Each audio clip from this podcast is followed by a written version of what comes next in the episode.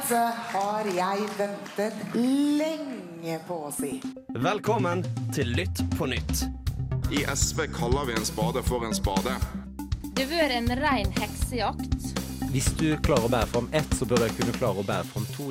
Velkommen til Lytt på nytt. Radio Revolt sitt nyhetsprogram. Morna, Velkommen til eh, ukas sending av eh, Lytt på nytt. Vi står her på fredag, faktisk, og ikke søndag denne gangen. Eh, så Men du hører er- oss på søndag, da? Du hører oss på søndag, eh, men hvis det har skjedd veldig mye de siste to dagene, så Ikke har ikke vi skyld på fått oss. det med oss. Nei, ikke skyld på oss. For vi er ja. fra fortiden. Nei. Jo, det er jo. Ja. Å, nei, ikke ned det hullet. Men det er jo spennende Jeg skulle liksom komme fra fortiden. Jeg skulle jeg gjerne ønske at jeg heller kom fra framtiden og liksom kunne break the Ja. news. Mm. Ja, for at Kanskje vi skal gjøre det neste gang. Ja, men nå er jo et program som sjelden breaker news. Vi oppsummerer jo heller det du bare har fått med deg. Mm. Eh, så det funker jo egentlig ganske fint. Ja, det jeg. stemmer. Ja. Det blir dritbra. Det blir Ja, det bra. Jeg er gira. Hvem er det som er her, Una? Nei, Una. hvem, hvem er du? Ja, vi har Una og ja. Håkon der, ja. Ja, hallo, hallo. Og så er meg Guro her òg. Og meg, Oda. Ja, vi er fire stykker. For- Og Erika kommer eh, plutselig inn i sendingen på Ja, et det er et eh, tog fra flyplassen som eh, driver og tuller litt med oss, men hun plutselig dukker opp. Ja. Hun kommer, fra, hun kommer rett fra SAS-loungen på Ja. Værnes. Rett inn her. Skal være måte på. Det stemmer. Vi skal, jeg tenker vi går på låt med en gang. Skal vi snakke litt om hva vi skal snakke om etter det? Vi skal høre på Undergrunn sin låt 'Fortelling'. Oh, wow, Dubai ble mye bedre med litt på nytt på øret. Det stemmer. eh, Og vi skal jo snakke om litt av hvert i denne sendingen her. Det er som vanlig en fullstappa sending. Heter det fullstappa? Fullspekket. Full kan Ja, samme si det. Det er nok å snakke om denne uken òg. Ja. Masse snacks. Masse snacks. Hva skal vi snakke om, nå? Nei, hva skal vi snakke om? Eh, Det er jo som kjent landsmøtesesong, så vi skal selvfølgelig snakke litt om at KrF har startet det nå i går. Og der er det jo litt saker som har vært litt aktuelle, som vi skal diskutere litt videre i sendingen. Ja, Kanskje, kanskje blir abort, ja. Ja. skal gå tett inn i abortdebatten. Vi skal Sikkert jo, rolig temperatur i studio. vi skal jo innom eh, Innom eh, Jeg håper å si over dammen. Yes, skal eh, det er jo litt forskjellige ting der som skjer. Ja, Biden har sittet i 100 dager for et par dager siden, som er jo en veldig kjent sånn, sånn markør markør Ja. for presidenter hvor mye de har fått til eh, i løpet av de første 100 dagene. Så vi skal ha en liten eh, speedrunde der på å se hva han har gjort og hva han ikke har gjort. Og i tillegg så skjer det mer fordi Rudy Giuliani Bleh. eh, en, Alles altså, favorittadvokat. Alles favorittadvokat. Han, Og- eh, han, er, han har litt vanskelig om dagen. Ja, det, han, jeg si. jeg tror han har hatt det vanskelig de siste årene. Har dere sett de her bildene av hvor liksom det Når han smelter. ja, det, Smelter litt, ja. det ser ut som han smelter.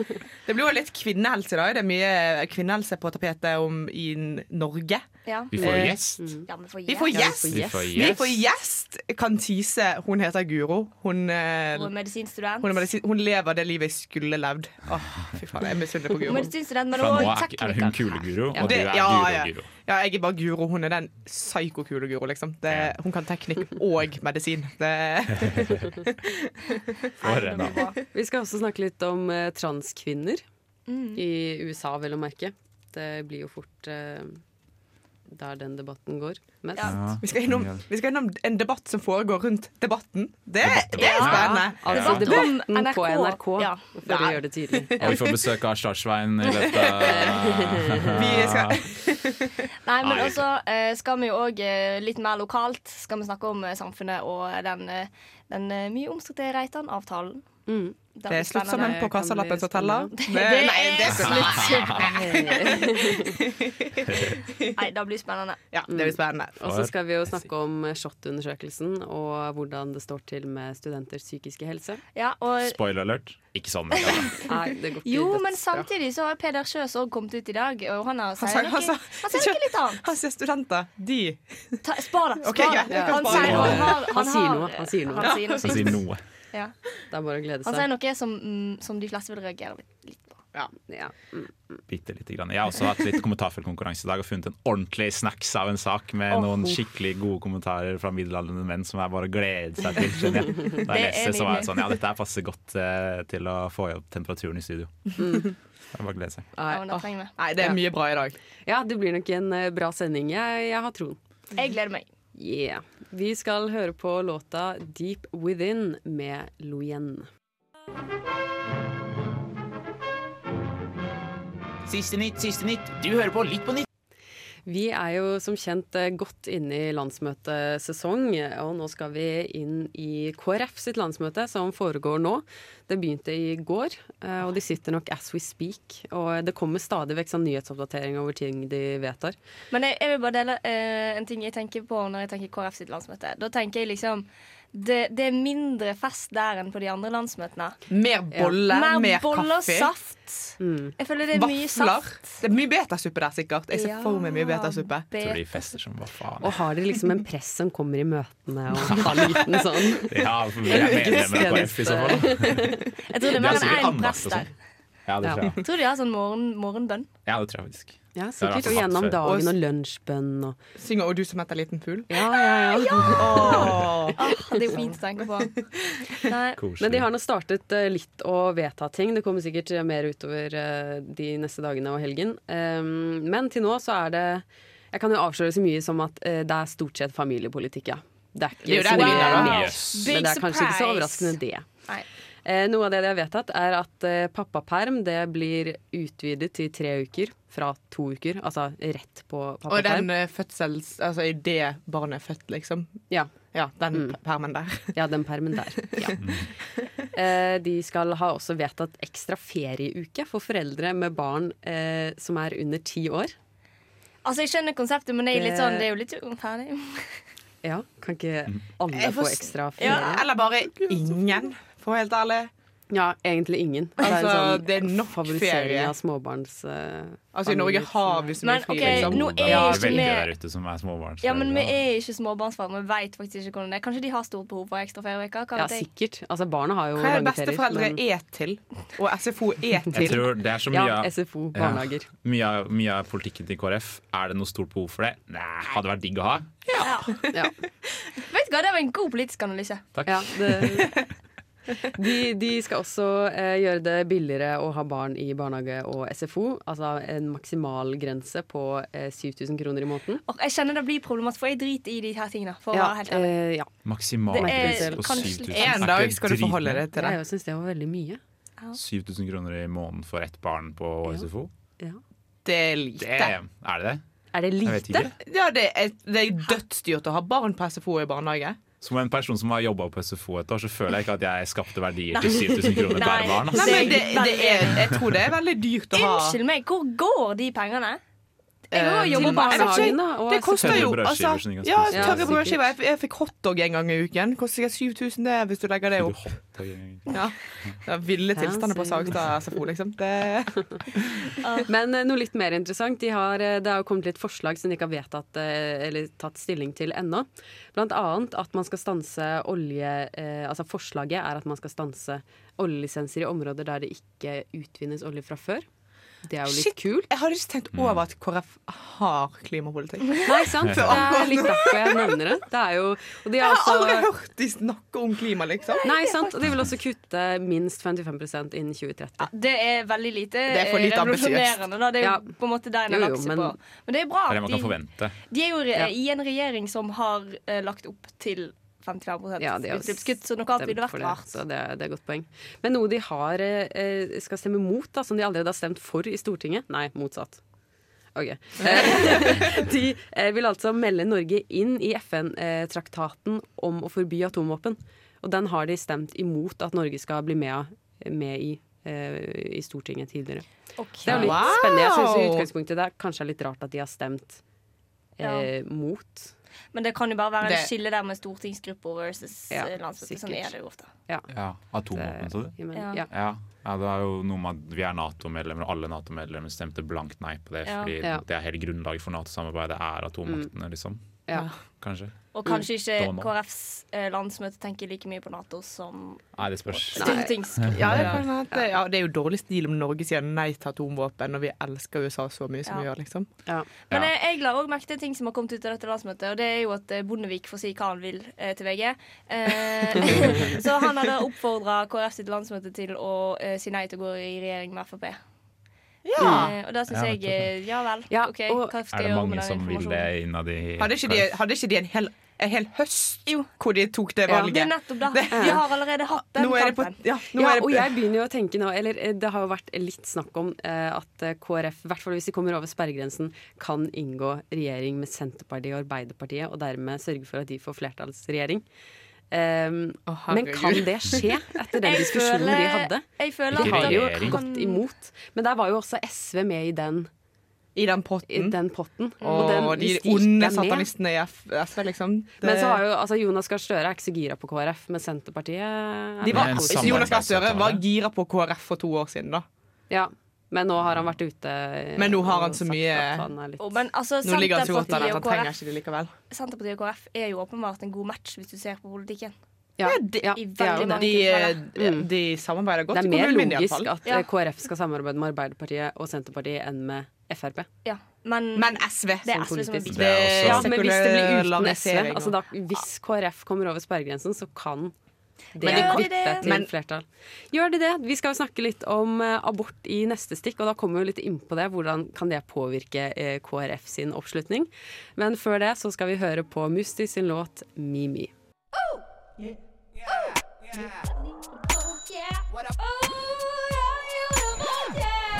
Det er Torstein Hyl, og jeg hører kun på Radio Revolt. God stil! Vi skal eh, snakke litt om hvordan debatt Altså abortdebatten har vært eh, i det siste. For det har jo vært en del debatt om det eh, i forbindelse med disse landsmøtene og vedtak og sånn. Det Si debatt en gang til, da. Hæ? Si debatt en gang til. Debatt? Debatt, bra, takk. Det er debatt. Det er det det er. Og det er jo for så vidt alltid spennende. Det er, det er debatt om debatten. Og i dag er det, altså på fredag når vi tar opp det her, så er det også til og med debatt om debatten i debatten. Så da blir det jo Ja. God morgen til deg, lytter der ute. Det stemmer det. Eh, SV forrige uke de vedtok eh, at det skulle være eh, lov med selvbestemt abort til uke, til uke 22 På sitt landsmøte. på sitt landsmøte. Fra før av så er det jo lov med selvbestemt abort i uke 12, og så må du i nemnd etter det. For da skal noen skal kunne si om du får lov til å ta abort. Da, ofte av medisinske grunner som det tas etter uke 12. Men det er lov. Det er lov. Å ta abort til uke 22 i dag òg. Du må bare ha en eller Du annen lege som sier fagfolk. 'vær så god'. Du må ha fagfolk Mm. sin godkjennelse for å få lov til å gjøre det. Eh, og det er ikke SV for. De mener at det er en for stor belastning på de menneskene som da skal ta disse senabortene. Eh, og, og, og den saken i seg selv er jo på en måte en betent sak som man ser at til og med en del sånne ganske profilerte kommentatorer i de store avisene, eh, Hanne Skartveit i VG, eh, Kristina Pletten i Aftenposten, har vært ute og sagt at, vi, at de rett og slett ikke ønsker en sånn debatt velkommen en debatt knytta til når selvbestemmelsen skal eh, på en måte, Hvor grensa skal ligge. Men er det fordi, at de mener at ikke det er konstruktivt? Eller at Fordi, nettopp fordi at den debatten er så sår for så utrolig mange. At det Mm. Vil skape sånne, sånne, det de kaller amerikanske tilstander. da Ja, men jeg tenker jo at Det er viktig å ta den debatten nettopp fordi at det er så sårt og vanskelig å, å snakke om. Men at man må være enda mer bevisst på hvordan man snakker om det. da Ja. Og der har jo kanskje måten man har snakket om det vært problematisk. Det Ja, for det som nå, gjør at, nå, sånn som jeg eh, har lagt merke til da Når dette blusser opp i det siste, så er det veldig masse sånn OK, eh, eh, det er en kvinne som har gått ut og fortalt om sin erfaring med å ta en abort, og, og da blir det på en måte Du kan ikke argumentere mot da. OK, Mm. hun har tatt et valg, det var vanskelig, men eh, Altså det er jo også i tillegg de som kommer og er sånn Ja, nei, eh, i uke 22 hadde jeg allerede gitt navn til mitt barn. Ja. Og så er det sånn Ja, Ja, men det er- dette bidrar jo ikke til debatten i det hele tatt. Det, det er fint at du på en måte deler dine erfaringer, men det er jo ikke en del av det, det burde ikke være en del av debatten i den forstand. Og så er det også de som på en måte lager et sånn her bilde av hvordan det kommer til å være nå hvis vi utvider den grensen om at å ja, ja, men da er det sikkert noen som bare bestemmer seg, da. I, i femte måned. Bare sånn Nei, ja. heller til Syden enn å få den ja, ungen, ja, liksom. det er jo- er ingen som har-. Det, det er ingen som vil utrolig få i så fall. det, De færreste vil ta abort etter uke tolv. Mm. De, fleste som, eh, de, de fleste som vil ta abort, tar den før uke ni. Mm. Så det kommer ikke til å være dødsmange flere aborter og, og mange babyer som dør og sånne ting. Mm. Ingen liker å ta abort. Nei. Men det er nettopp det som på en måte disse som er frykter sånne amerikanske tilstander, de, eh, det er nettopp de argumentene der eh, de trekker fram som argumenter som måte er med på sånn, De sier at motpolene i denne debatten her får lov til å sette da agendaen. da. Du har SV på én side som mener eh, at det skal være fri, altså selvbestemt abort fram til langt ut i svangerskapet, og så har du eh, kristen konservativ på den andre siden som mener at det liksom skal være eh, rett til liv, det er absolutt, å starte ved unnfangelse. Eh, og det er på en måte der debatten ligger, på den, de to sidene.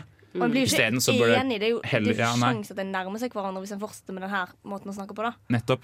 Kanskje da et, eh, et sånn grunnlag er å legge et slags sånn grunnlag med at eh, som, kvinner som gjør det her, ønsker ikke å gjøre det her. At det på en måte er en god start for debatten. Ja, og så får man heller. Mm. nøste opp i hva er grunnene til at de må gjøre det. Kan man forbedre deres opplevelse på Mm. noen måte, gjøre den tryggere? Og det kanskje bør det være mer av debatten. da. Ja. Og Det er nok også det litt eh, mange av de som eh, har vært ute i avisene i det siste også mener. da. Særlig de kommentatorene fra avisene. Ja, Men det blir jo òg fort veldig dramatisk eh, når det gjelder de her temaene. Og det skjønner jeg jo. Det blir jo det. Det er jo en følelsesladd eh, tema. Eh, Vi skal gå videre i sendingen og høre på Fairytale med Luna her på Lytt på nytt på Radio Revolt. You have to swear on a Bible to be an elected official in the, in the United States of America. I call upon all nations to do everything they can to stop these terrorist killers. Now watch this drive. Velkommen til Over dammen. Litt på nytts USA-spalte. Ja, det stemmer. Vi skal over dammen til USA og snakke om markeringen av Bidens 100 første dager i eh, Det hvite hus. Gamle mann, han overlevde de 100 første dagene. Ja, Det er jo imponerende i seg selv, egentlig. Gammel er han nå? Det Han blitt 99 siden sist, eller? Ja, det er ja, jo ja, ja, ja, ja. Han har eh, godt han har vaksine, for å si det sånn. Ja. Han har sittet 100 dager. Eh, og det er jo ofte, da, som vi nevnte i vår lille teasestikk, en veldig sånn markør på de første, liksom, de viktigste dagene i et eh, presidentembete, fordi USA er i konstant valgkamp, og de første 100 dagene er stort sett det eneste, det eneste tidspunktet hvor Ja, det ikke er noe valg. han skal valg. bevise òg at han eh, klarer dette her i de Ja. første 100 dagene. Eh, og veldig mye av hans makt ligger i sånne executive actions, som er sånne ting man kan skrive under på, og så skjer det med en gang. Sånn måten lover er tolket og sånn i, i USA. Eh, og det kan han gjøre veldig raskt, og ikke avhengig av de store folkevalgte organene til. Eh, det han på en måte har gjort som er kanskje det største, da, var at hvis man husker tilbake på da han ble valgt, så sa han jeg skal ha 100 millioner vaksinedoser i løpet av de første 100 dagene mine. Det var liksom hans store sånn 100-dagersmål. Eh, og det var nok ganske klokt av han å gjøre, Fordi det visste nok han ganske greit, og det er fullt mulig å få til. Eh, for de fikk jo til 200 millioner i løpet av de første 100 dagene. Så det var et taktisk valg, da. Det Mangler bare 100 millioner, så kan man jo spekulere i. da Han vil jo mest sannsynlig ikke si det. Men eh, personlig tenker jeg nok at eh, det var en lur eh, en lur, hva, hva, heter, hva heter det på Han underbøy det amerikanske folket, og så mm. kom han med en eh, klink inn der. Og han er jo kjempepopulær nå. Eller ikke kjempepopulær, Obama var mer populær på dette tidspunktet da han satt sin første serie til, men han er mye mer populær Ja. enn eh, Hans han, forgjenger. eh, han forrige Man, ja, han vi ikke trenger å nevne navn på. For skal ikke få meg oppmerksomhet av meg, i hvert fall. Eh, Ellers hadde han lovet en veldig mangfoldig regjering, og det leverte han på. Eh, Den første åpne homofile ministeren sitter nå i uh, inf transportdepartementet. Hva heter det? Infrastrukturopplegg. infrastruktur. Ja. Vi snakker om. Mayor Pete. Som også heter. Uh, kanskje det viktigste er jo det at han hadde disse Eller en av de viktigste tingene er denne store infrastrukturplanen han har kommet med. Uh, Som er snakk om helt insane mengde penger. To billioner amerikanske dollar, kan det stemme? 2000, amerikansk, Masse milliard, 2000 milliarder dollar. Det høres ut som et tulletall. Det er et tulletall. Det er, eh, sånn I alt så, i han, skal han vedta sånne store pakker, bl.a. til infrastruktur. Litt med sånn familiepolitikk, altså skoler, eh, community college, altså fri, gratis universiteter som de har der nede, og litt mer sånn eh, eh, familie, bare egentlig familiepolitikk. Mm Eh, disse to Ja, litt KrF-politikk. Til sammen på ca. Eh, 6000 milliarder dollar skal det koste, da. Mm. Som da er sånn ti oljefond eller noe sånt. Eh, Ti oljefond! Ja, noe sånt. Der! Det er ikke ta meg for det, Oi, for fisk, men det er insane mengder penger. Så han har brukt penger som ingen annen president siden nesten FDR. eh, Og sammenlignet sitter løst med FDR, som da var Og, mannen bak eh, New Deal. Og Lyndon Johnson òg, tror jeg folk har sammenlignet med. Ja. Fordi han var jo mannen bak litt, litt velferdsstatpolitikk før Ja. Reagan kom og Ja. ødela. Knuste, da. Knuste USA. På eh, utenriksfronten så har han kalt Putin en morder. eh, for å ha prøvd å drepe Navalny. Eh, han har også anerkjent folkemordet mot armenerne. Den er ganske nylig. Det er jo ja, Eh, det, En stor sak i en veldig betent sak i Tyrkia, Mm. eh, og egentlig verden generelt. og som- noe veldig mange har lovet å gjøre. Jeg tror Obama hadde lovet at han skulle gjøre det, så det gjorde gjorde han det ikke. så gjorde han ikke. Mm. Biden, han gjør det. han gjør det. Ah. Eh, Jo, men det er litt sånn, Hva har han å tape? Han er jo 1000 år. Ja. Altså, Det sånn han skal ikke bli gjenvalgt. Om dette det er ødelegger hans Nei, det er politiske sant. karriere, så er det jo ikke sånn at Buhu, han skal pensjonere seg, liksom. Camilla Harris taper kanskje på det, jeg vet Ja. ikke. Eh, han har tatt eh, styrker ut av Afghanistan. Det er riktignok Trumps sin avtale der, men han har liksom gjennomført den. da. Eh, det han har fått kanskje mest kritikk for, er at han ikke har samarbeida noe med republikanerne, nesten. Det har vært, eh, vært konstant gjennomkjøring i, i Senatet, som de nå har et hårfint flertall i. Har de bare pusha gjennom de sakene de kan. Uten egentlig å, Det er ikke én republikaner som har stemt for et av eh, Bidens forslag så langt. Det er fordi dette her, altså Mange spådde jo at han kom til å være mer sentrumsorientert, men han er jo Mm. radikal. Han gikk jo på valg for det. på en måte Han gikk på valg for å være en sånn som Ja, han hadde vært i Senatet i mange år. Ja, altså Han kunne ja, binde fløyene sammen. Det er jo bare horseshit, liksom. Det det, men han har jo ja, Han har jo fire år minus 100 dager da på å prøve å binde de sammen. Men altså, jeg, jeg skjønner jo, han har hårfint flertall i Senatet òg. Hvorfor skal han da ikke eh, gjøre, være mer handlekraftig? Nettopp. Og det Altså- er liksom demokratene, særlig sånn AOC-fløyen i, Ja, ja. eh, innad i demokratiske partiet, tenker det. Men for å få ting ordentlig gjennom, så trenger han litt mer enn bare 50 Ja, ja. 50 eh, det forspranget han har der. Han trenger jo egentlig to tredjedeler med seg, så det ville ikke vært dumt å begynne å samarbeide med republikanerne, liksom. Ja, det er jo isfront der om dagen, og det er jo på en måte Han kunne jo gjort noe for å ikke bygge opp under den, men det er tydeligvis ikke taktikken han tar, da. Han har nok å gjøre, i hvert fall. Ja. Fremover. Jeg er litt imponert over de 100 dagene, eller? Han har klart seg bra. Ja, jeg synes syns det. det. Har vært overraskende. Ja. Yes. Flink mann. Flink mann. Overlev 100 til, da, please. Vi skal høre på låta 'Evergreen' med Ringo Moon. Hei, vi er Honningbarna, og du hører på Radio Revolt. Det stemmer, eh, og vi skal snakke om et eh, vedtak som samfunnet gjorde på tirsdag. Nemlig å inngå en eh, økonomisk avtale med Reitan, eller tidligere Reitan-gruppen. Cash, cash money. Ja, for det gjør at vi får eh, 15 millioner til nybygg i løpet av de neste seks årene. Penger! og så kan vi velge å utvide avtalen. Da får vi 20 millioner til. Som er ganske nice. Få litt penger til nybygg. Det er jo nice. Men vi må, jo, vi må jo gi noe tilbake igjen. Ja. Eh, For dette skapte jo en del eh, debatt på samfunnsmøtet på tirsdag. Noe av debatten gikk jo selvfølgelig på avtalen, eh, men man har jo bare fått en oppsummering som man da fikk eh, to eh, døgn før møtet. Eh, Så fikk man en oppsummering av hva den avtalen innebar. Eh, Og den oppsummeringen og egentlig avtalen er jo ganske vag. Ja, det så Eh, ut som mine eksamensnotater i fagene jeg har nå, som Ja. bare prøver å gjøre det så vagt som mulig, for ikke gidder Ja. å sette meg inn i ting Ja. så, så mye. Ja. Men, eh, men eh, som Karen Mjør, eh, leder for Samfunnet, sa, så er det fordi at avtalen er vag. Det er veldig mye rom for at man skal kunne Ja. finne ut hva som underveis. funker. Forhandle underveis, ja. Uh, finne ut hva som er i Men det- sine interesser. Men det føler jeg er litt sånn bekymringsverdig. Betyr det at sånn Reitan bare kommer sånn Dette går an i løpet av Følge avtalen. Ja. Ta over Men hele samfunnet og gjøre om til Britannia, liksom. Men det andre jo andre veien, da. At samfunnet kan Ja. være sånn Nei, nei, dette var ikke en del av avtalen. Dere får veldig lite av oss. Altså, det er liksom sånn Ja, jeg, altså, men jeg bare føler at han Reitan har så mye makt, liksom. Det er bare, jeg, jeg er redd for Reitan. Hvem av Reitan og samfunn tror det er mest utnyttende for, for, for Ja, andre? ja, det er liksom det er sant. Ja, for er det òg ble jo, er noe som ble en del kritisert. At både eh, Karen Mjør og Dag Herrem omtalte Odd Reitan som en filantrop. Altså at han gjorde det her av fullstendig av godhet. Så snill og grei. Jo, Eh, men på en måte så forstår jeg det. Fordi at altså, Reitan har eh, gjennom liv hatt ganske tette bånd til samfunnet. Eh, og jeg skjønner jo på en måte logikken i at OK, nå vil han gi tilbake til studentene. Men samtidig så er det sånn, han er jo en mann som vil tjene penger. Ja, hadde han vært en filantrop, så hadde han kastet eh, eh, de 15 millionene, kanskje til og med mer, uten På. å kreve noe tilbake. Ja. Da hadde Ja. ikke vi måttet Og selv- dratt og synge på julebordet til Ja, fordi Reitan. nøyaktig hva er det han krever tilbake?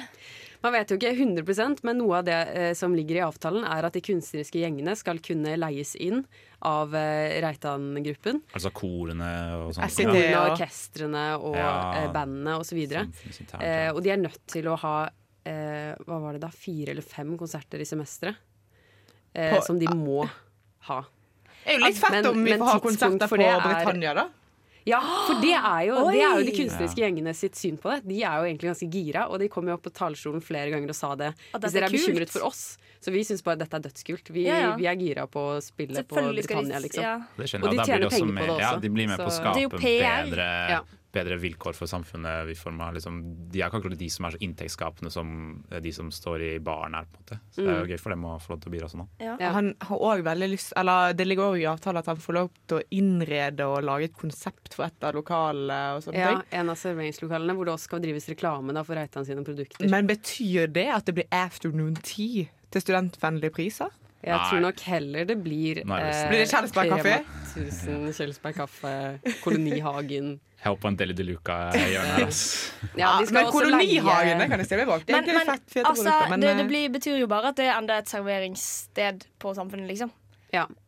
Og der Altså- skal det også være et samarbeid mellom Reitan og studentene Ja. om hvor, hva konseptet skal være. Eh, Men, men man vet jo ikke helt hva det innebærer, sant? så man får jo litt se hva, hvordan det utarter seg. Hvis vi spoler tilbake til uka 2019, da, og så ser de fikk jo enorm kritikk for at de samarbeida så mye med Equinor. Mm. Så vil jeg jo tørre Ah, å påstå at uh, det er dette er en bedre, bedre avtale sånn etisk Uh, Ja, i forhold til samfunnet har Reitan også har hatt røtter. Ja, og samfunnet har jo også hatt uh, lignende økonomiske avtaler som har vært dårligere for samfunnet, annet med DNB, som jo er kjempesketchy. Ja, ja. Eh, og eh, um, Adresse har de hatt. adresse har de også hatt. Mm. Ja, det er også litt morsomt. Men- Men kan det hende at uh, mye av kritikken mot denne avtalen egentlig ikke er avtalen i seg sjøl, men sein informasjon Det var mye kritikk at- rundt prosessen. Ja, og at mange i utgangspunktet kanskje er litt kritiske til nybygget i seg sjøl. Og dette her er på en måte noe som virkelig gjør at dette kan At det kommer til å skje. Ja, altså Det var ikke så mye eh, kritikk mot nybygg på det samfunnsmøtet, men det var mye kritikk av det at eh, vi hadde muligheten til å få vite om avtalen nesten to uker før vedtaket, men vi fikk det to døgn før i stedet. Men og det finans- sa finansstyret, Ja. eller Dag Harheim, leder for finansstyret, sa at det var for å unngå at lokalavisen skulle skrive så mye om det. Ja, det høres jo ikke Og bra det er jo en litt problematisk uh, uttalelse. Ja, men det sånn, Hadde det vært en problematisk avtale, så skjønner jeg det. Men denne avtalen virker jo egentlig bare lukrativ, så da Mm. lager du negative eh, holdninger mot avtalen egentlig uten grunn. Ja. Og Og jeg er jo tenker jo at altså, Når de ber eh, samfunnets medlemmer om å stemme over en sånn avtale, så er det jo kjempepositivt at det skrives mye om det i avisen, sånn at Mhm. flere studenter får høre om det, og flere Mhm. studenter også eh, gjør seg en mening Og om veit hva de stemmer over. Ja. Eh, noe som var veldig kult med denne avtalen, var at det var utrolig mange som stemte. Det er bra. Eh, så og det. det tyder jo på at eh, det skaper stort engasjement. Og det ble jo skrevet en del om det i både Dusken og lokalaviser. Eh, Mm. Og jeg tror nok det har påvirket eh, antallet som stemte. Så det er jo kjempekult. Få på noe Rema 1000 i kjelleren på Samfunnet. Ja. Please. Det, det. Vi skal høre på låta 'Stu' med Siobong. Hei, det er Kyragørvla Kygo Nei, bare kødda. Det er Thomas Seltzer. 30 år eldre enn Kygo. eh, Og du hører på Radio Revolt. Det gjør du. Det er fortsatt Lytt på nytt her på Radio Revolt. Og nå, nå skal vi over dammen igjen. Eh, og vi skal til vår alles eh, litt shady fyr. Hvis det er én mann i USA som har tatt en bøtte med kokain i løpet av sitt liv, så er det den Så mannen her. er det denne mannen her. Det er nemlig Rudy Giuliani. Advokaten, politikeren, tidligere ordfører. Nei, ja, ja, borgermester. Mayor. Eh, Borgermester er snill måte å si ordfører på. Det liker jeg. det høres veldig tegneserieaktig ut. Ja. Men eh, han er jo litt, eh, han er litt aktuell om dagen. Og han er jo aktuell da med eh, at hans kontor og leilighet har blitt ransaka av FBI onsdag denne veka. Eh, og det er eh, grunnen til at eh, denne ransakelsen Det er i forbindelse med en kriminaletterforskning som angår bånd mellom han og Ukraina, og at han muligens har brutt loven om lobbyvirksomhet når han var Trumps personlige advokat. Eh, og de har òg sett på Giuliani sin rolle når USA sin ambassadør til Ukraina måtte forlate jobben. Eh, og New York Times hevder at han var veldig sånn fiksert på å fjerne henne, for hun var en hindring i eh, samarbeidet som han hadde med Ukraina. fordi at hele målet med denne Ukraina-samarbeidet var jo at de skulle finne dritt på Biden og hans familie. Ja, er Hunter. Biden. Så de skulle finne dritt, men de skapte bare en hel haug med drit isteden. Ja, for det er jo knytta til Trumps første riksrettssak, der han var tiltalt for å ha pressa ukrainske myndigheter til å finne dritt på Biden. Og Giuliani eh, er jo da angivelig sentral i å presse Ukraina for det.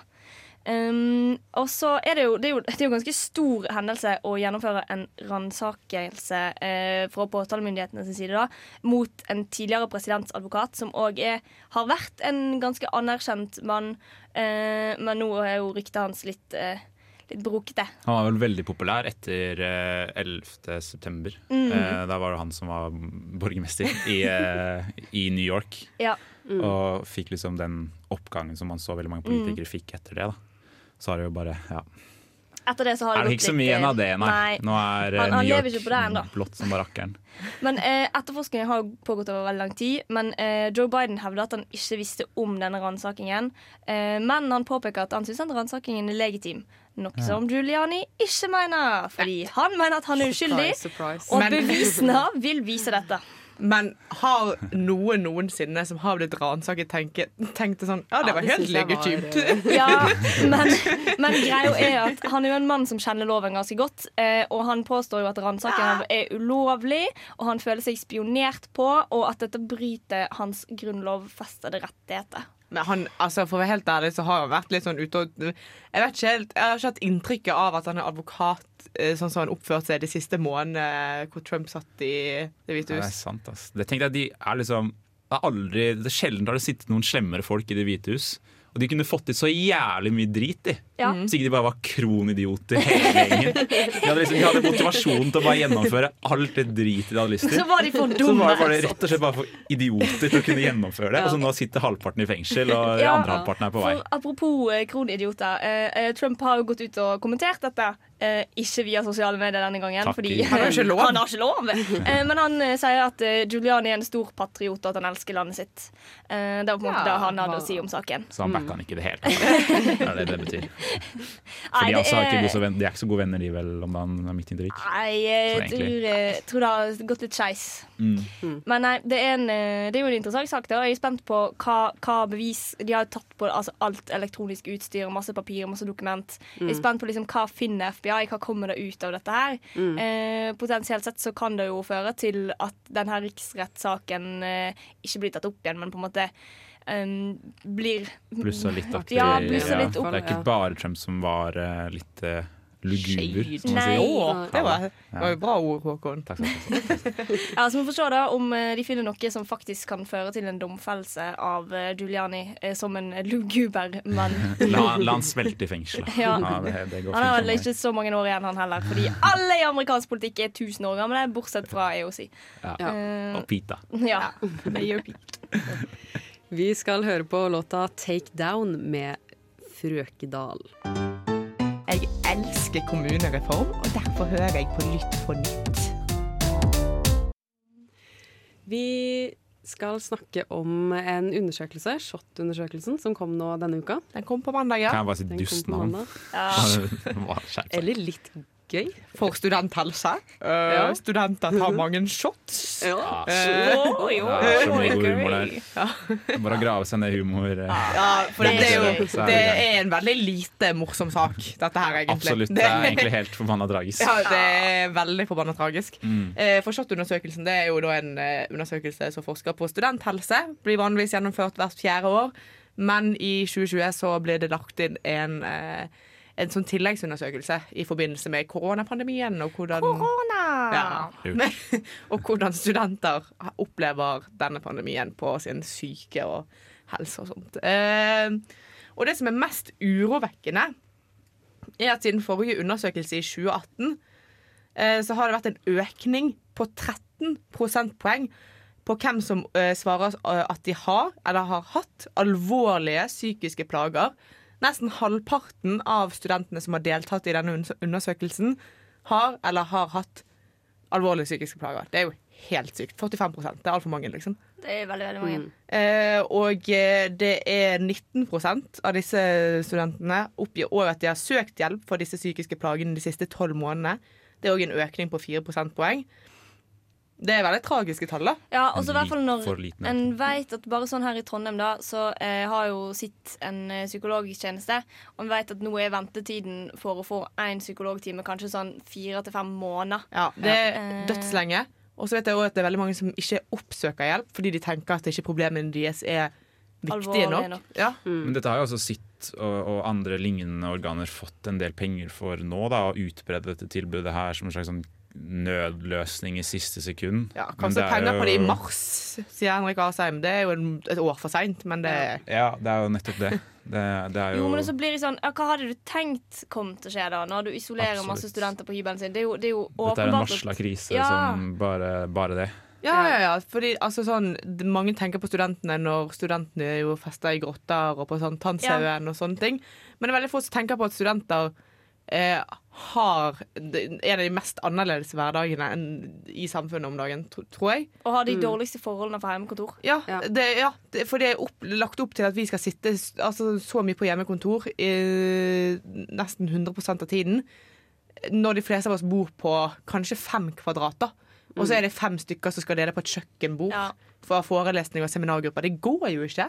Nei, det er jo ikke et Ja. overraskende resultat sånn sett. Ja, og Det argumentet der har man jo hørt siden tidenes morgen. Altså Det begynner nesten Mm. å bli en klisjé å Ja, bruke det argumentet med Ja, ja, liksom at eh, ja, du har fem kvadratmeters rom, men det er jo, det er jo sant. Og, Ja, ja. Og, og nå har man jo på en måte data som kan backe opp en ting. Da. Du ser jo det nå virker jo som at den jeg vil tørre å si den lille debatten som er i den her, for det virker som at nesten ganske mange har gått litt videre i Ja, ja. samfunnsdebatten, eh, er på eh, liksom at dette kom litt altfor seint, da. Ja. Som man sier, at, og, og, og de tallene som er der, er grusomme, men de er på en måte folk Den lidelsen har skjedd. Det er en undersøkelse her viser jo en lidelse som har skjedd, eh, Ja. og så må man prøve å fikse det framover. Men Mm. det stopper heller ikke menneskene som har lidd.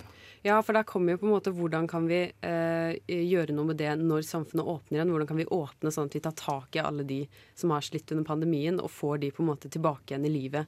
Og får de til å komme inn i sosiale miljø.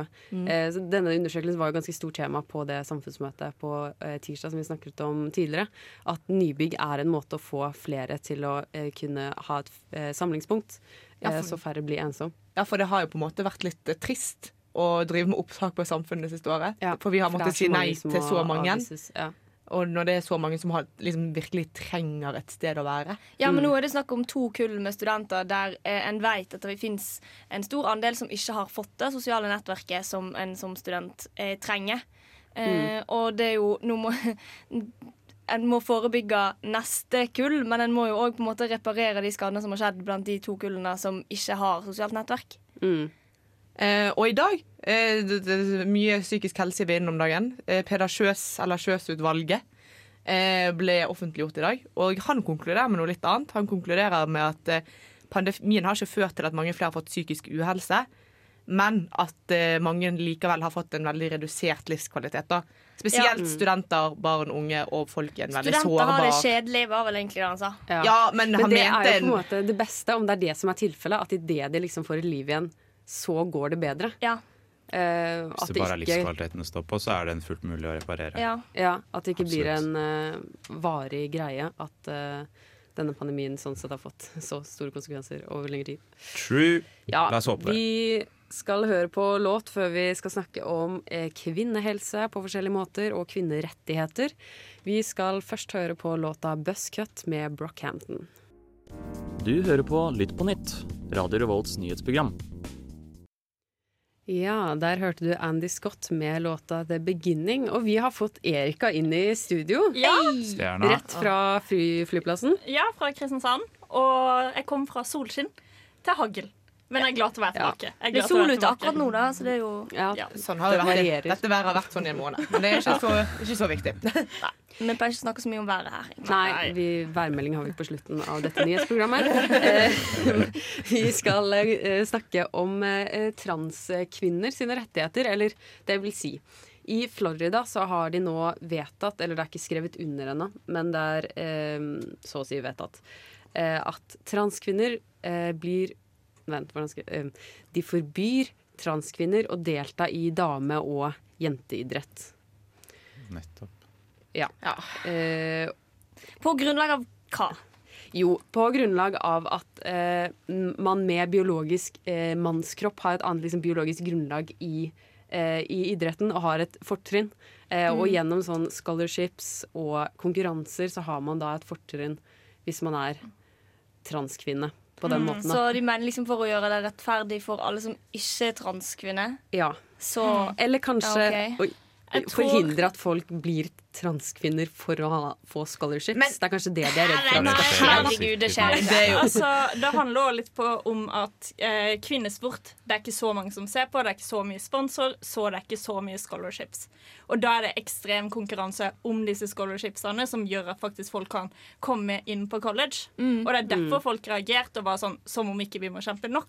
Ja, men da skjønner jeg, men samtidig er argumentet om at å ja, det er noen som kommer til å bli kvinne fordi Ja, at de tror ikke, jeg tror ikke det er et sport. argument, men det er liksom litt Det er sånn ingen som bytter nærliggende kjønn for å bli god i sport, liksom. Nei, nei, det blir litt sånn som JK Rowling som Ja. eh, ja. Det holder Men ikke. og er, dette så, er det så mange transkvinner at de tar opp alle plassene på alle liksom, stipendene og Ja, det er vel bare at det er ganske få stipend i utgangspunktet, kanskje. Ja, ja, men jeg kan ikke se for meg at, eh, at det finnes altså, halve fotballag og halve løpsgjengen er transkvinner, og de kommer her og skal stjele alle plassene til de her eh, vanlige kvinnene. Jeg vil jo tro at siden det foregår i Florida, så handler det litt om at de syns det er litt gøy å innskrenke rettighetene til Den transkvinner. debatten har du ikke sett i bare Florida. Da. Den fins jo i hele sportsverdenen. Så er det en debatt om hva Mm. konstituerer en kvinne i kvinneidretten. Mm. Eh, og får man en fordel ved å ha, har tidligere vært en mann, eh, og sånne ting. Og det er jo en veldig interessant eh, debatt å ha, tenker jeg. Det er Og liksom vanskelig, ikke minst. Veldig vanskelig, men eh, viktig. Men istedenfor å utelukke noen fra, fra liksom disse Fra sporten, som er kjempeteit, kanskje heller lage regler i liksom stipendet, da. 60-40 fordel til liksom Men det- ikke, fordi- ja, det blir, det blir Ah, teit. det med dette her det er veldig vanskelig, for uansett hva man gjør, blir det diskriminering. Ja, Det er litt det som blir vanskelig. Ja, fordi først er det diskriminering sånn i forhold til utgangspunkt. Og hvis ikke så blir det diskriminering for man utelukke noen. Eller så diskriminering for vi lager en hel liksom, eh, gruppe som skal konkurrere mot hverandre, altså transkvinner mot transkvinner. Altså, Mm. Man finner jo ikke en god løsning her. Nei, det er Nei, det er jo hele den debatten uh, i den Nei, oi. uh, biologisk kjønn og identitet. Eh, men det er interessant at de diskusjonene foregår, og viktig å ta de. Mm. Vi skal høre på låta 'Hurt You' med Ari og Emilie Nicolas.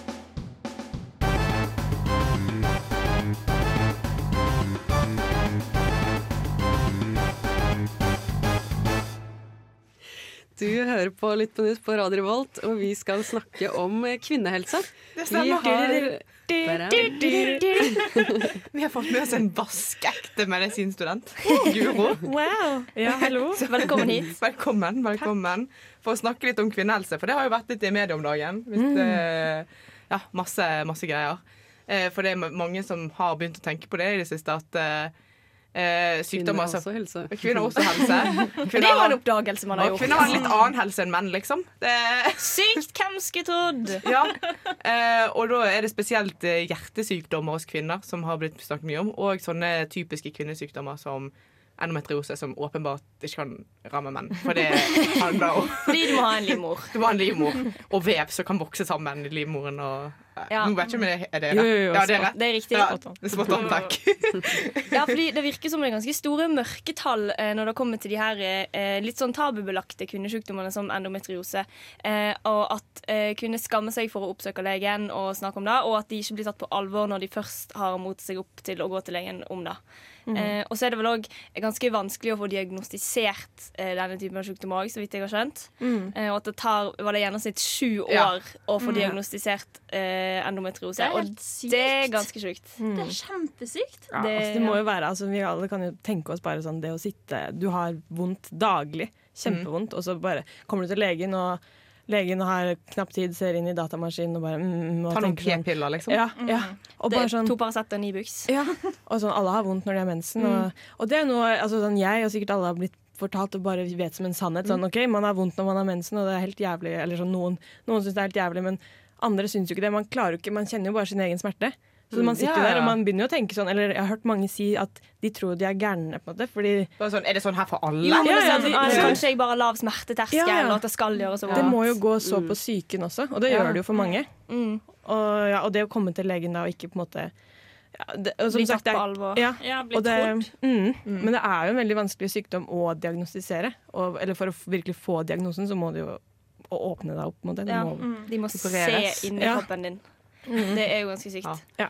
Og det er jo det er ikke noe man skal gjøre på første legebesøk. Det, Nei. Nei, nei, man vil jo unngå operasjon. Ja. Og da, men det å få den smelt i fleisen som er sånn prøv p-piller, og så kom tilbake om et halvt år.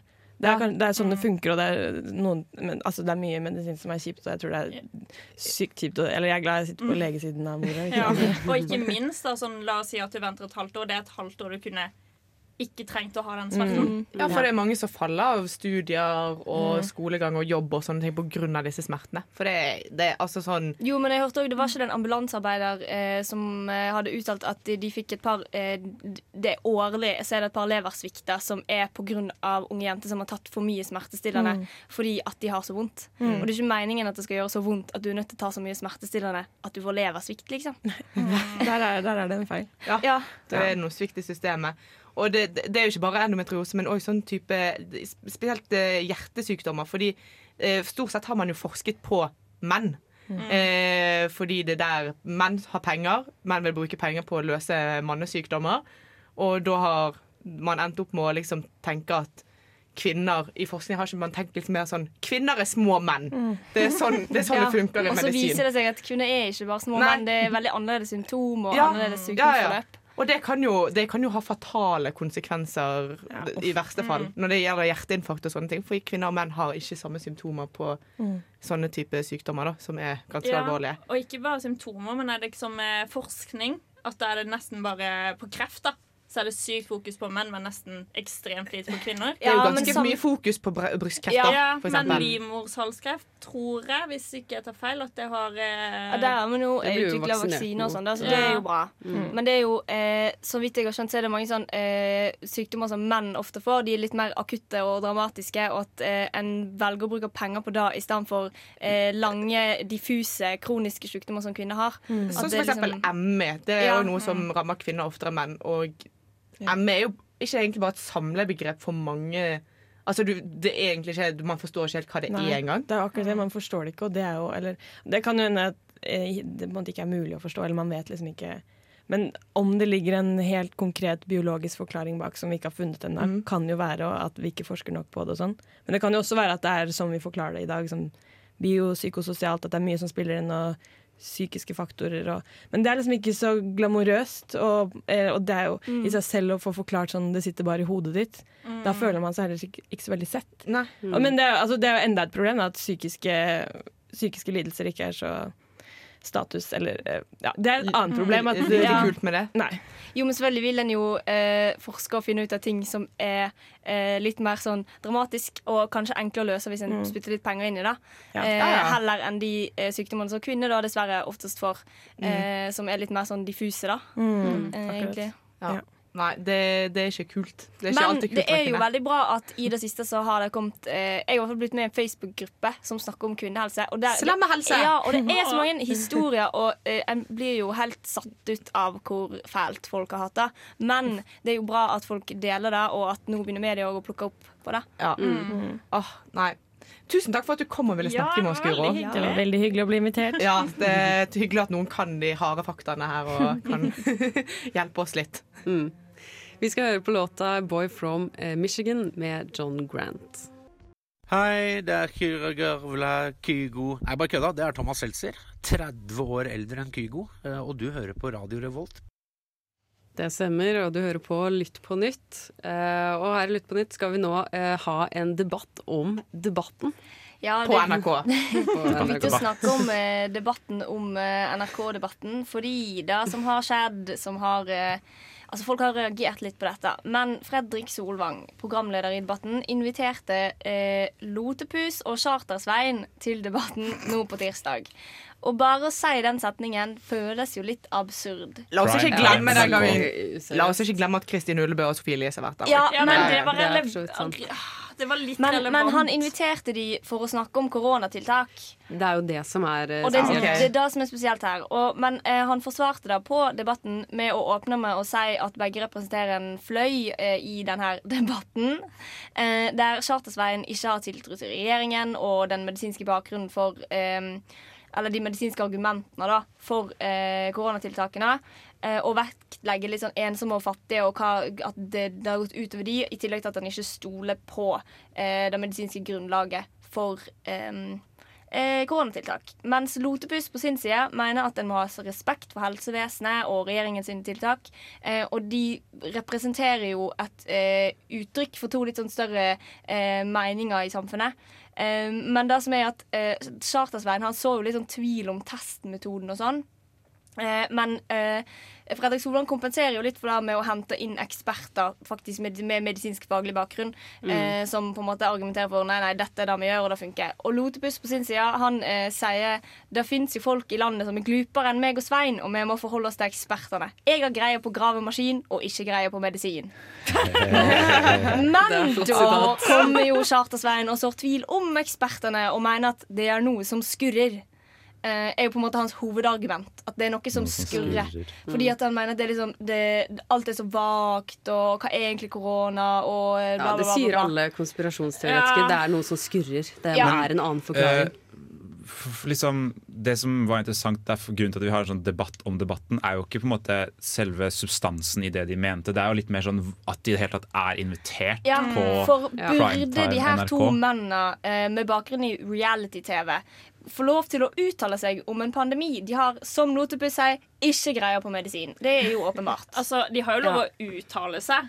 Men Ja, skal de få men- en plattform? Ja, for det skal de være i et seriøst program som Ja. Ja, for det syns jeg ikke, men Jeg de har jo fortsatt, fortsatt Men- lov. Plattformer har vi jo rundt oss overalt nå. Du kan jo velge og vrake hvilke plattformer du uttrykker deg på, på en måte. Altså, Men jeg savner Ja, det- så det jo kan man jo være- si at eh, ved å på en måte plassere det inn i en sånn seriøs debatt med eksperter til stede, så kan man drepe litt Absolutt. Det Ja, men nå fikk jo de òg fritt spillerom de første fem til ti minuttene av debatten til å liksom bare prate med hverandre. Og den eneste som krit altså De kritiserte hverandre og krangla, basically. Eh, og så kom liksom resten av programmet, der det var eh, Espen Nakstad og noen leger, blant annet en lege fra mikrobiologisk eh, avdeling på Oslo universitetssykehus. Eh, og de på en måte debunka alt eh, som eh, Charter-Svein hadde påstått. da Men så er det jo litt sånn eh, hvor mange som så på eh, blir appellert til av en lege som sitter der og bruker fagterminologi, eh, kontra Charter-Svein som er sånn Nå er det nok tenkt på de fattige og ensomme, og det er mye som skurrer. Men er det ikke bare sykt at Espen Nakstad må snakke med Charter-Svein? Nei, fordi han slapp å snakke med Charter-Svein. Charter-Svein og Lotepus Ah, ja. fikk sin egen plass i begynnelsen av programmet. Men er ikke det jo litt de problematisk? At de skal liksom lokke til seg eh, tilskuere på det, og Ja. så skal de på en måte være ute av programmet, og så kommer ekspertene. Sikkert mange som skrur av programmet da. Men hvis de hadde vært med i en debatt med eksperter, sånn at for hver gang Charter-Svein sier det er noe som skurrer, Så kan så kan en ekspert komme og si nei, her kommer fakta. Ingen sett på, da. Nei, Det, hadde, ikke- det er jo ikke noe Nei, men Nei, der kommer jo litt av poenget. Grunnen til at debatten gjør det her, er jo for å få seertall. Nei, det er Ja, jeg enig i. men Det er debatten genuint enig Men ja, for debatten skal jo ikke være til for Altså, debattprogrammet på NRK er jo ikke der for å få seertall. De er jo der for Nei. å opplyse. Men hva tenker du da, Håkon, at de gjør det for? Eh, fordi at det åpenbart representerer fløyer i samfunnet som er reelle, og som trengs å belyses for at det hele tatt samfunnsdebatten skal gå rundt. Vi er jo avhengig av å belyse alle sider av en debatt for å kunne belyse hele saken. Mm. og de representerer noe som veldig mange der ute allerede mener. Og får gjort det i en sånn form som er debatten, som er et ekstremt ordna form, sammenligna med mye av det vi har i samfunnet vårt, som er bare post rett ut, uten noe som helst checks and balances, holdt jeg på å si så er eh, det faktum at debatten gjør det, 100% bevisst for å inkludere den eh, fløyen av samfunnet, samtidig som de også klarer å på en måte fiske det litt inn eh, og komme med motargumenter. Hvis ikke så blir jo samfunnet et slags teknokrati, liksom, hvis det bare er Nakstad som skal få lov til å uttale seg, eller hvis det bare er en overlege som er imot et smittetiltak som skal få lov til å uttale seg, så vil jo det bare føre til at i hvert fall ingen følger med på de greiene her. Tenker jeg. Eh, det, det er et godt poeng, men eh, altså er det Jeg føler det kan ikke være så mange som er sånn kjempe-koronaskeptikere i Norge, gir vi de for mye plass? Fordi det er jo ikke så mange. Men hvis Det ikke vi gir dem plass, så havner de i ekkokammer. Men, eh, ja. Men en kan jo hvor mye plass skal vi gi til sånn et par tusen folk, liksom? Av Ja, fem men- millioner? Det er jo Men det er jo sånn du så Ja. jeg vet ikke. Nei, det er jo debatten om debatten blir aldri ferdig. Nei. Men Det blir egen eh, debatt. Ja. Vi skal høre på låta 'The Darkness That You Fear' med The Chemical Brothers. Radio. Radio. Radio. Revolt! Ja, og du hører på Lytt på nytt, og vi skal ned til Etiopia. Ja, igjen. For det har jo pågått ekstremt lenge, siden desember, når det ble mer offentliggjort i fjor. Eh, og det som egentlig har skjedd, kort fortalt, tigrinja-folket, en majoritet i Etiopia, har blitt eh, prøvd å bli rensa ut. Sånn egentlig, i Etiopia så skjer det mer og mer ting. Det har vært eh, drap, massakre, eh, gjengvoldtekter, psykologisk krigføring, hvor man annet voldtok, eh, fikk familiemedlemmer til å voldta hverandre. Sånn, ja ja, det er helt ekstremt. Så nå har vi gått til neste skritt. Nå har jo Abdi Asan, eh, altså presidenten i Etiopia, eh, sagt at ja, vi har noen fanger i fengsler som er høyt oppe i militæret hos tigrinja-folket. Eh, det stemmer ikke. Så det er fl mellom flere hundre og tusen som er i disse fengslene. 50-60 personer blir satt i sin egen celle, som korona og alt det her.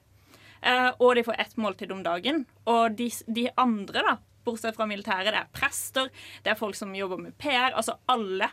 Og det som er veldig interessant, da, er at eh, det ble lekka en eh, tape, eller altså et lydopptak, hvor en høytstående militær sa det var nødvendig å rense landet fra innsiden.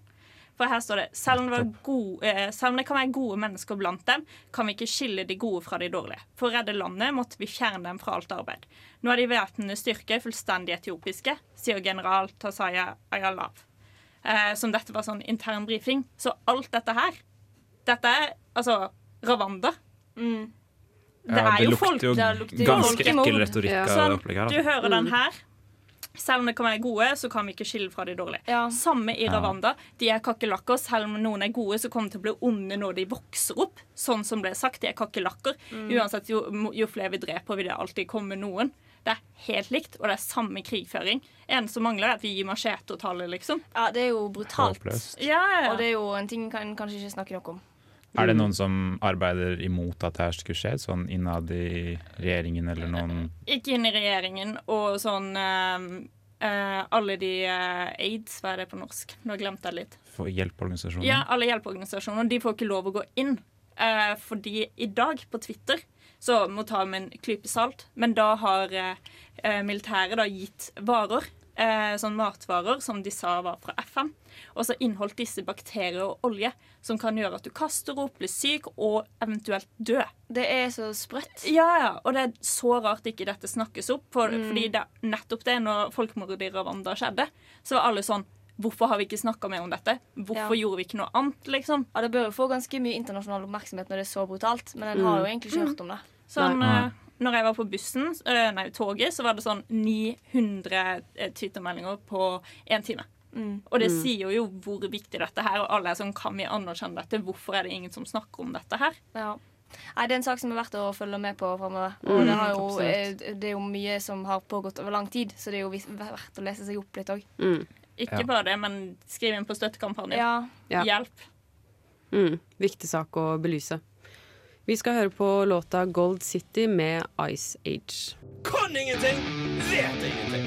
Skam deg! Bryr seg ikke om folk i det hele tatt. Bare Nå må du ta deg en Inkompetent. svær konspirasjonsbolle Fy faen, her er det klassisk vannmelon. Grønn utenpå, rød inni. Og stråmennene dine kan du ta med deg bak loven. Nå er det duket for kommentarfeltkonkurransen. Det stemmer, og i dag så er det Håkon som har tatt med seg noen eh, kommentarer her til oss i dag. Rock er så tøff. Hva skjer? Håkon tøffer seg. Hvis det er noen som lurer, så er jeg en mann på 1,90 som er syltynn og jævla pyse, så jeg er ikke så. Hvis det- er noen som vil banke opp, eller noe sånt, så er det bare å gjøre det. søte, Det noen søte runde briller og Vær så snill. Tenerife-T-skjorte. Ja, i dag er det Tenerife T-skjorte. Eh, hvor skal vi i dag, tror dere, damer? TV 2? Vi skal til den ekle VG? storebroren til TV 2, Nettavisen. Ja. Ah. Ja, jeg tør påstå det er storebror. Eh, I hvert fall på nett. Eh, si vel litt om intelligensnivået på de som skal lokkes. Altså Vi skal gjette kommentar eh, i saken til en eh, kommentarfelt. Okay, um... Si litt om intelligensnivået på de som skal lokkes. Er det noen som er dumme, eller? Er det sånn her, er er eh. Olga, Olga Svindel? ja, det kunne vært noe god gammeldags uh, mailscam, men nei. Eh, noen som mener de bor i feil land, spør når neste fly går. What? Er, det, er dere mm, er En som har lyst på fem. Eh, så er det en som sier at hvis ikke dere skjønner at det er noe galt nå, så skjønner dere aldri. Okay. Det kan være alt! Det skal være alt. Nå får vi, da får vi gå litt lenger inn. Da. Eh, eh, Pott hadde nok funka bra på konspirasjonskompisene til Svein. Men skal vi til Charter-Svein igjen? Nei, vi skal ikke Nei, skal vi til legalisering? I, nei, skal vi til USA? Vi skal til USA. Eh, det, jeg vet det. Ja, sier du det? Få det. Eh, eh, I USA så lokker de folk til å ta vaksiner med liksom Ja. eh, pott, Sant. eh, alkohol og Genialt! Det stemmer, Erika. Vær så god. 15 poeng og en urge intense til deg. For gratulerer med dagen. Hva sier det de sier? Det a, shot for a Shot for shot! Shot for pot, Shot liksom. for pot, Er det det de ja. sier? Ja, det er noe til å ha det For de tilbyr både pott, og du kan få en bolle. Du kan få 50 dollar i Detroit bare for å kjøre noen til vaksinelokalet.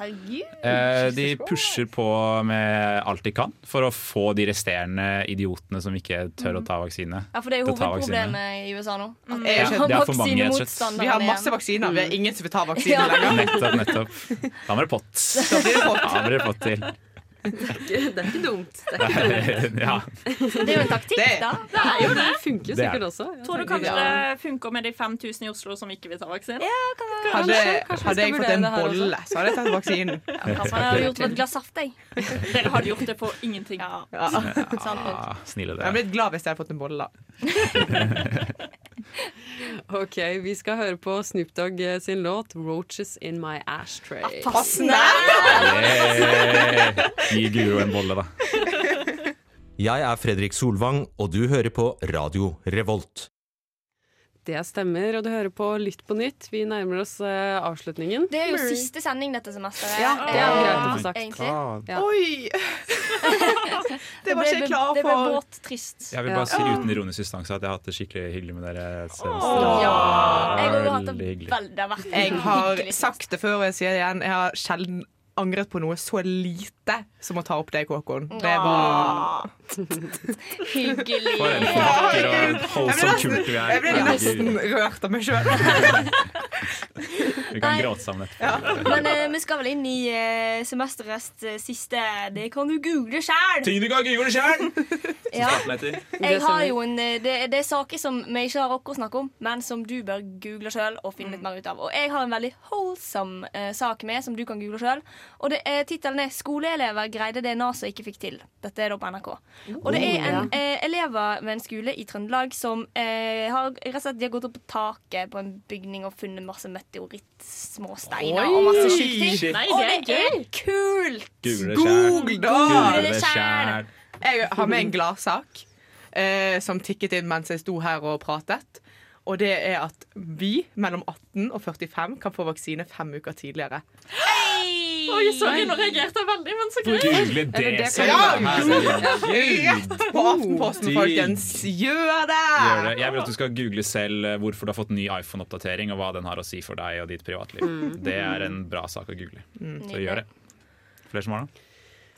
Nei, du kan Nei. følge med på eh, KrF sitt landsmøte resten av Ja, sjekk i.no Sjekk ir.no. For vi er ikke noe værprogram i. Nei. Ja. er.